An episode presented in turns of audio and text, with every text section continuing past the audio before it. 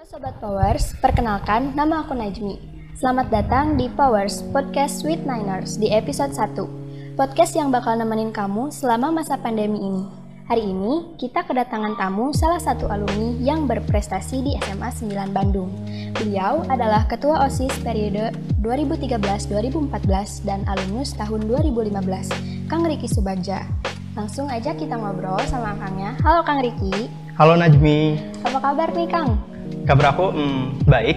Oh, Alhamdulillah ya. Sebenarnya dibilang baik banget sih enggak, tapi kalau misalkan dibilang jelek juga enggak sih, jadi kayak tengah-tengah. Oh, tengah-tengah kayak gitu ya.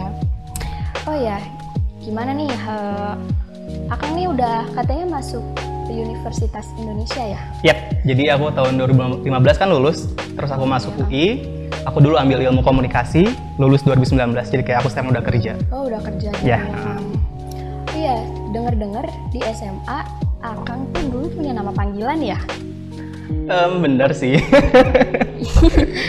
Apa tuh kalau boleh tahu? Nggak, tapi kalian sebenarnya udah pada tahu nggak sih panggilan aku siapa ketika SMA? Waktu itu sih aku denger-dengar katanya namanya Parjo. Itu dari siapa taunya? Aku tahu dari kakak kelas. Agak kelas ya. Ah, ya iya. jadi sebenarnya tuh nama panggilan aku tuh Parjo kan. Oh, Dan itu tuh dari SMP gitu loh, bukan dari SMA. Jadi ketika aku SMP, aku punya temen dia cewek pakai kerudung. Kan setiap hari Jumat tuh harus pakai kerudung kan kalau Iya, perempuan ya.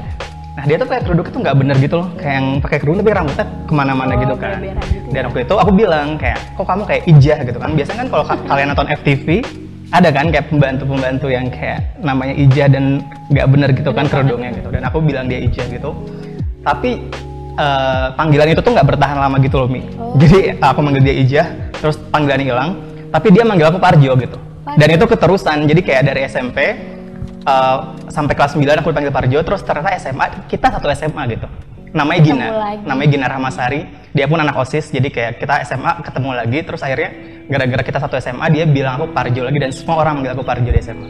Termasuk guru-guru. Jadi kayak guru di kelas atau semua teman-teman aku kalau ke rumah pasti manggilnya Parjo. Makanya orang tua aku tahu kalau aku dipanggil Parjo. Jadi terkenal banget gitu ya nama. Oh, Parjo tuh yang ini gitu. Ya coba coba ya tanya eh, guru-guru di sini. Kayaknya kenal deh. Oke, Namanya Parjo gitu. siapa. Oke, terima kasih Kang. Jadi terus dengar-dengar juga Akang ini founder dari Manusia UI ya? Eh iya. Boleh diceritain dikit nggak itu tuh gimana? Sebenarnya manusia UI itu simpelnya adalah aku ketemu sama anak-anak UI Oh. itu tuh mahasiswa, terus dosen ataupun kayak pegawai gitu. Aku wawancara dan ceritanya aku naikin di Instagram. Simpelnya kayak gitu sih. Jadi kayak kegiatan gitu ya? Cerita-cerita yang mungkin nggak pernah kalian denger ya. Jadi gini, Oh. kalian kalau denger UI, kalian mikirnya kayak gimana? Apa yang terlintas di pikiran kalian ketika kalian denger UI? Kalau aku pribadi sih universitas yang kayak lumayan besar gitu ya. Kalau kayak ada nggak sih kayak stereotype yang kalian denger gitu soal UI? Apa ya? Banyak anak-anak pinter.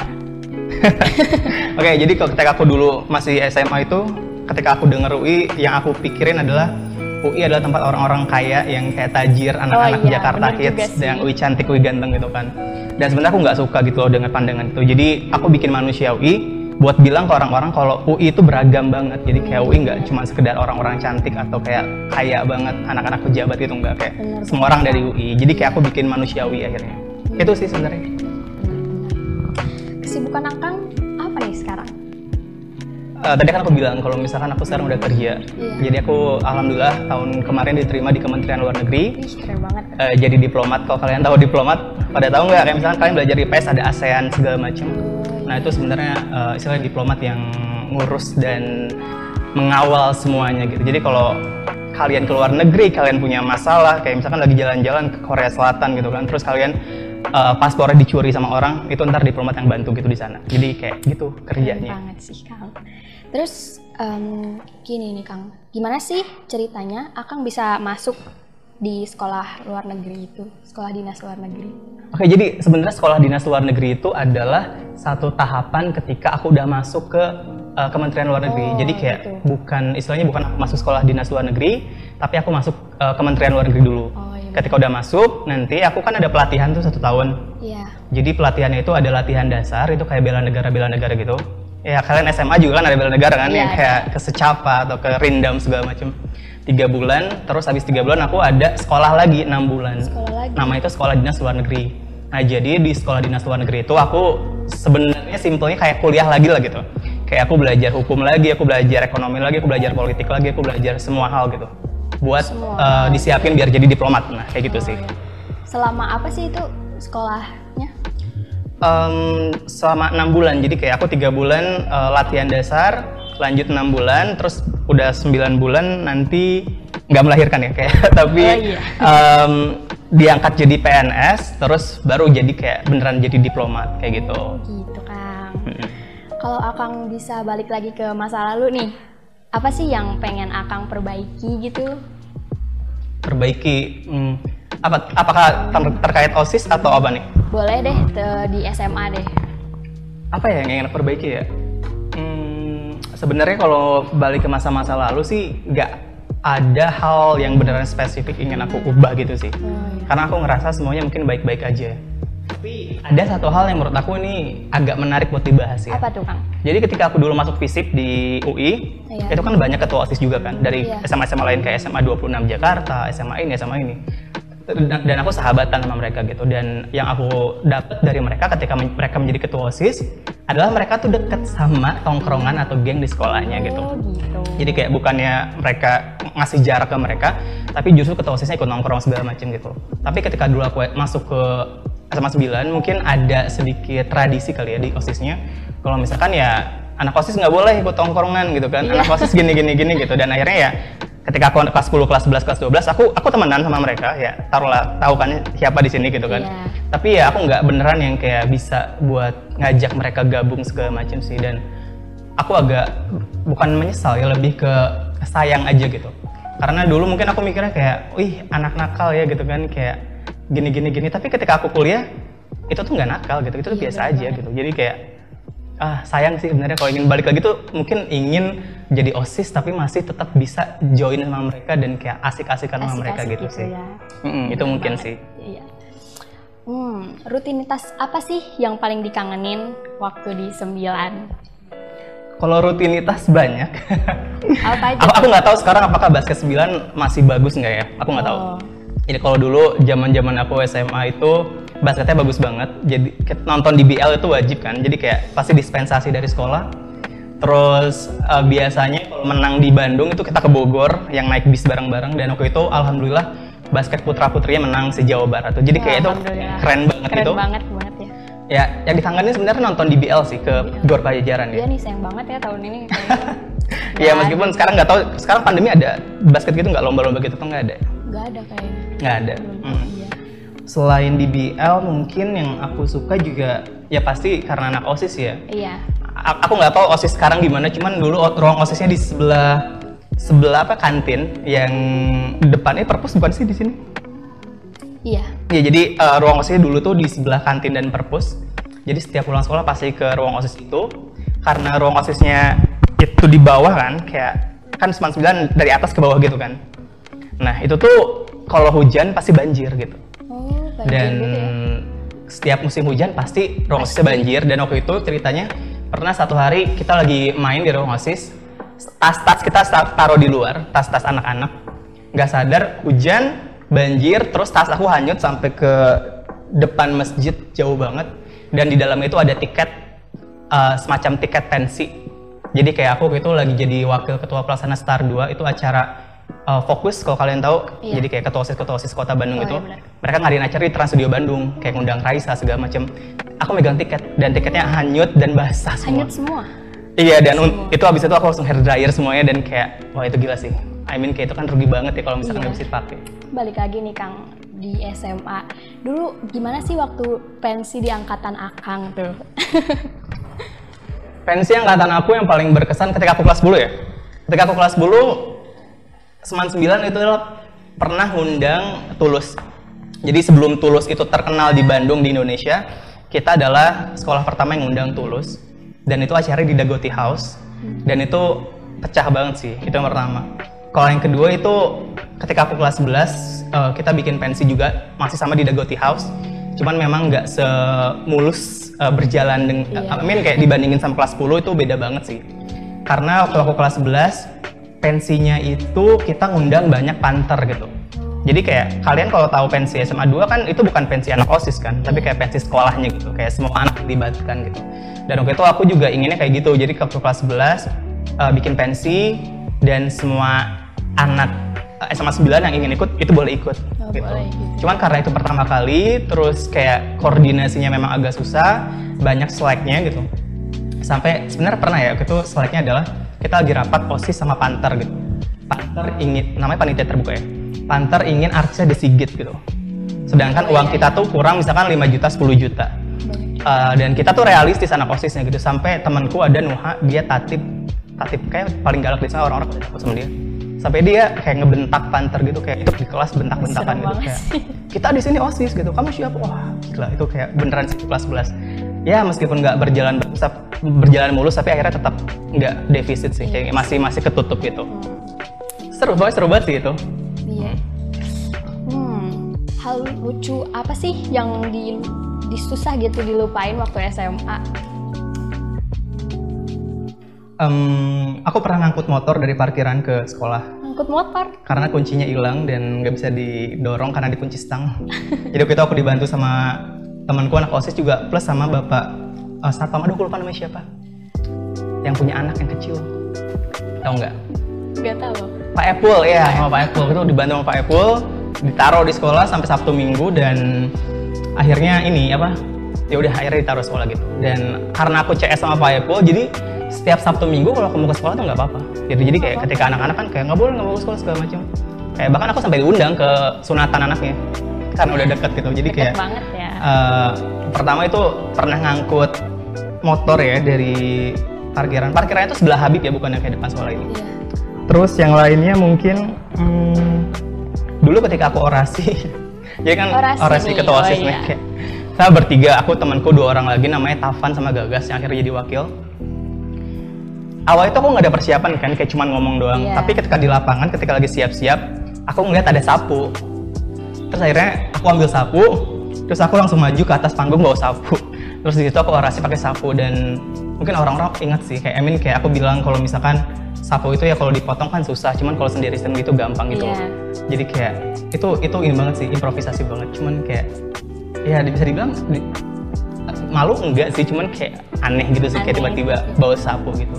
Tapi seenggaknya muncul ide gitu kan ya. Iya tiba-tiba kayak misal sekarang ada ini nih hand sanitizer gitu kan. Bisa aja kayak tiba-tiba ambil hand sanitizer gitu Iya. buat Iya orang. benar benar benar. Terus ada nggak sih kisah paling sedih yang pernah Akang alamin gitu? Bentar mikir dulu nih. Kayaknya kisah paling sedih nggak ada deh. Oh ini aja deh percintaan. Oke, Oh, boleh kan? Oh, boleh. boleh boleh. Ya ada apa tuh tentang percintaan? Eh, percintaan ini menarik sih. Oh ya oke. Sebenarnya aku nggak mau buka tapi udah. Ya semoga mantanku nggak denger. Aku pernah pacaran kelas 12, gak nyampe seminggu karena diselingkuhin itu pertama. Dan kisah cinta aku itu melibatkan satu sekolah ya.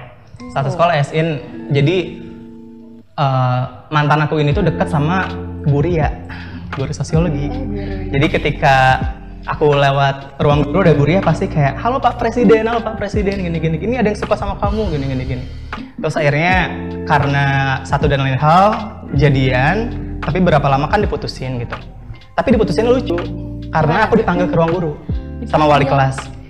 Riki, kamu lagi dekat sama ini ya? Terus kayak, oh iya kenapa bu? Iya, jadi orang tuanya dia tuh nggak ingin dia pacaran gitu, gini gini gini. Terus kayak akhirnya, istilahnya aku udah minta putus gitu, tapi sama wali kelas itu pertama. Iya. Terus yang kedua, eh, setelah putus, tapi dia pacaran gitu loh, kayak berapa hari kemudian dia pacaran sama teman sekelasnya. Dan teman sekelasnya itu tuh saudaranya Wakasek dulu, Oh, kasek. Wakasek kesiswaan. Jadi kayak yang aku denger sih, katanya saudara itu sampai bilang ke Wakasek kayak udahlah nggak usah sama Ricky gitu. Jadi kayak sama aku aja kan kayak aneh ya. Iya. Anak pacaran anak SMA banget. tapi guru-guru tuh pada tahu gitu loh. Iya. Terus kayak udah akhirnya eh, wali kelas tahu, Bu Ria tahu, semuanya tahu. Jadi kayak kayak hampir banyak orang tahu sih. Cuman yang aku gimana ya? Sebenarnya aku ngerasa senang banget sekarang. Iya, semoga semoga mantanku gak denger. Karena dulu tuh dia ingin jadi diplomat. Sama gitu Enggak, ya. aku dulu nggak ingin Oh, jadi enggak. diplomat. Tapi malah sekarang aku jadi Malah diplomat gitu. Jadi kayak gitu ya. kayak seneng aja sih karena kayak ya dulu diselingkuhin tapi bisa tanda kutip ya aku balas gitu loh kayak aku jadi diplomat kok sekarang gitu dulu kan kamu yang ingin jadi diplomat jadi gitu kan. terbalik gitu. iya jadi terbalik gitu jadi kayak seneng aja kalau dia misalkan nge-like foto atau nge-scene story ketika aku kegiatan di mana gitu Oh iya, tadi kan Akang nyebutin guru juga ya. Eh, ada nggak sih guru yang paling terkenang gitu? Pak Hasan Pak Hasan. Pak Hasan itu Guru ya? matematika tapi udah pensiun sih. Oh, apa tuh jadi yang ketika aku kelas momennya? 10 dia adalah guru paling killer. Kalian pernah nggak dapat di rapot nilai itu 50 30 20 nggak ada kan? Dia adalah satu-satunya guru yang berani naro nilai di rapot itu 30 20 gitu. Dan dia tuh ngajarinnya konsep gitu Mi. Jadi kayak bukan nanya misalkan ada lingkaran terus oke dihitung ke- kelilingnya atau luasnya enggak dia nanya dari mana dapat 22 per 7 kan itu kayak udah dari sana ya kan 22 per 7 tapi dia nanya kenapa bisa kayak gitu? Kalau nggak ada yang bisa jawab dia bakal keluar. Dia bakal keluar dia nggak mau ngajar. Dan itu sering kayak gitu. Jadi kayak dia datang ke kelas dia ngasih soal yang susah. Kalau nggak ada yang bisa jawab dia keluar. Uh, dan aku kadang jadi tumbal. Jadi kayak meskipun aku nggak bisa aku ke depan gitu. Dan tapi ya senangnya adalah aku adalah satu-satunya anak yang semester 1 itu dapat nilai 70 dan semester 2 dapat nilai 80 di kelas. Kayak which is itu udah paling tinggi. Merasa tinggi gitu ya nilainya. Iya karena gitu kayak ulangan ulangan sehari-hari itu tuh dia selalu ngasih nilai tuh kayak tiga setengah, empat setengah, nol. kecil banget. Bener bener nol. Kayak dia sering banget ngasih nilai nol ke anak-anak. Itu dan dan aku jadi dekat sama Pak Hasan itu dan ya udah akhirnya sampai kelas 12 pun masih sering nanya-nanya sih ke dia. Sering ada yang ngeluh nggak sih kalau misalkan dikasih nilai segitu? Sering orang tua bahkan sering datang ke sekolah kayak mereka nanya, kok guru gini banget sih gini gini gini gini. Cuman Pak Hasan tuh memang kayak guru senior dan dia udah kekeh gitu loh jadi kayak ketika dia ngasih segini ya ya udah emang anak yang nggak bisa gitu mau Iya, dikasih iya, apa gitu kan banget. gitu jadi kayak itu gila banget sih kayak Gila tapi tapi seru banget sih Pak Hasan Terus ini nih kisah-kisah apa sih yang tidak terlupakan di SMA 9 ini? sebenarnya mungkin yang tadi aku bilang ya kayak aku angkat motor lah Iya. aku kayak diselingkuhin terus juga em, aku dulu suka banget sama bahasa Jerman teman-teman Eh, jadi guru aduh Frau Ella. Ya Frau Ella kan? Ada nggak? Muti Muti. Nggak?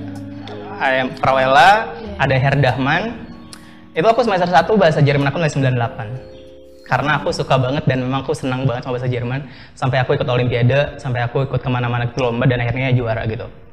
Dan aku juga kelas 10 pernah ikut olimpiade biologi. Hmm.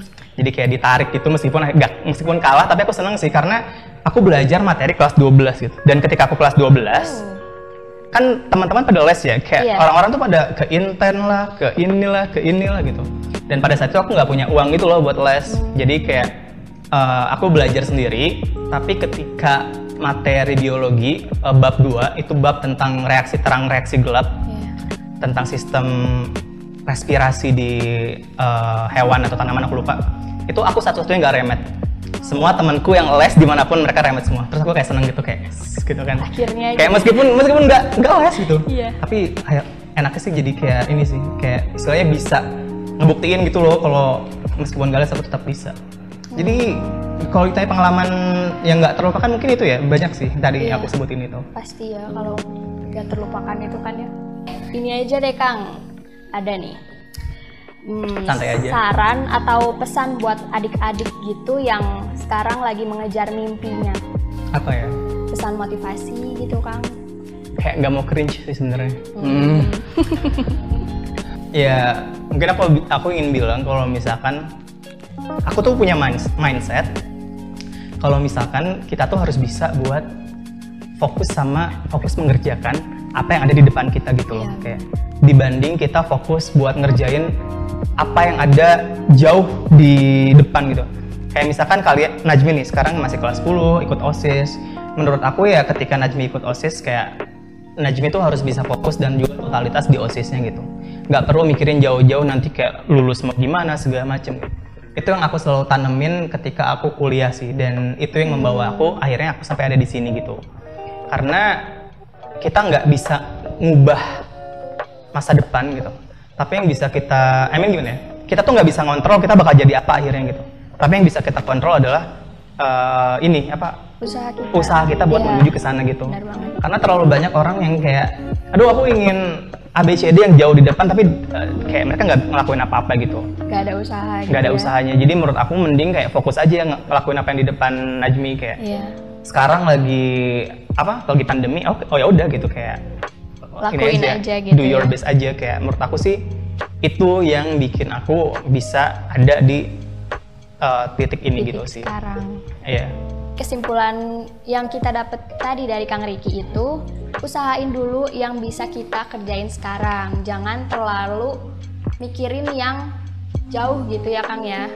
mungkin gini sih bahasannya yang lebih enak kayak kayak we have to live at the present moment gitu loh kita harus hidup di waktu sekarang ini karena terlalu banyak orang hidup di masa depan gitu mereka terlalu worry mereka terlalu anxious terhadap "Aduh, nanti aku takut deh A B C D F G gitu Oh, iya. karena ketika kita terlalu worry ketika terlalu mikirin masa depan kita lupa buat hidup di masa sekarang banyak hal yang bisa kita lakuin gitu Iya, iya. jadi kayak instead of uh, mikirin yang jauh-jauh banget, mending ya udah lakuin aja apa yang bisa dilakuin gitu. Meskipun itu hal-hal kecil. Kayak gitu sih kalau dari aku. Oke, jadi eh, kesimpulannya dari Kang Riki itu kita harus fokus dulu di masa kita yang sekarang, jangan terlalu mikirin masa depan. Sekian dari kami berdua. Terima kasih untuk yang sudah mendengarkan. Sampai jumpa lagi di episode selanjutnya di Powers Podcast with Niners.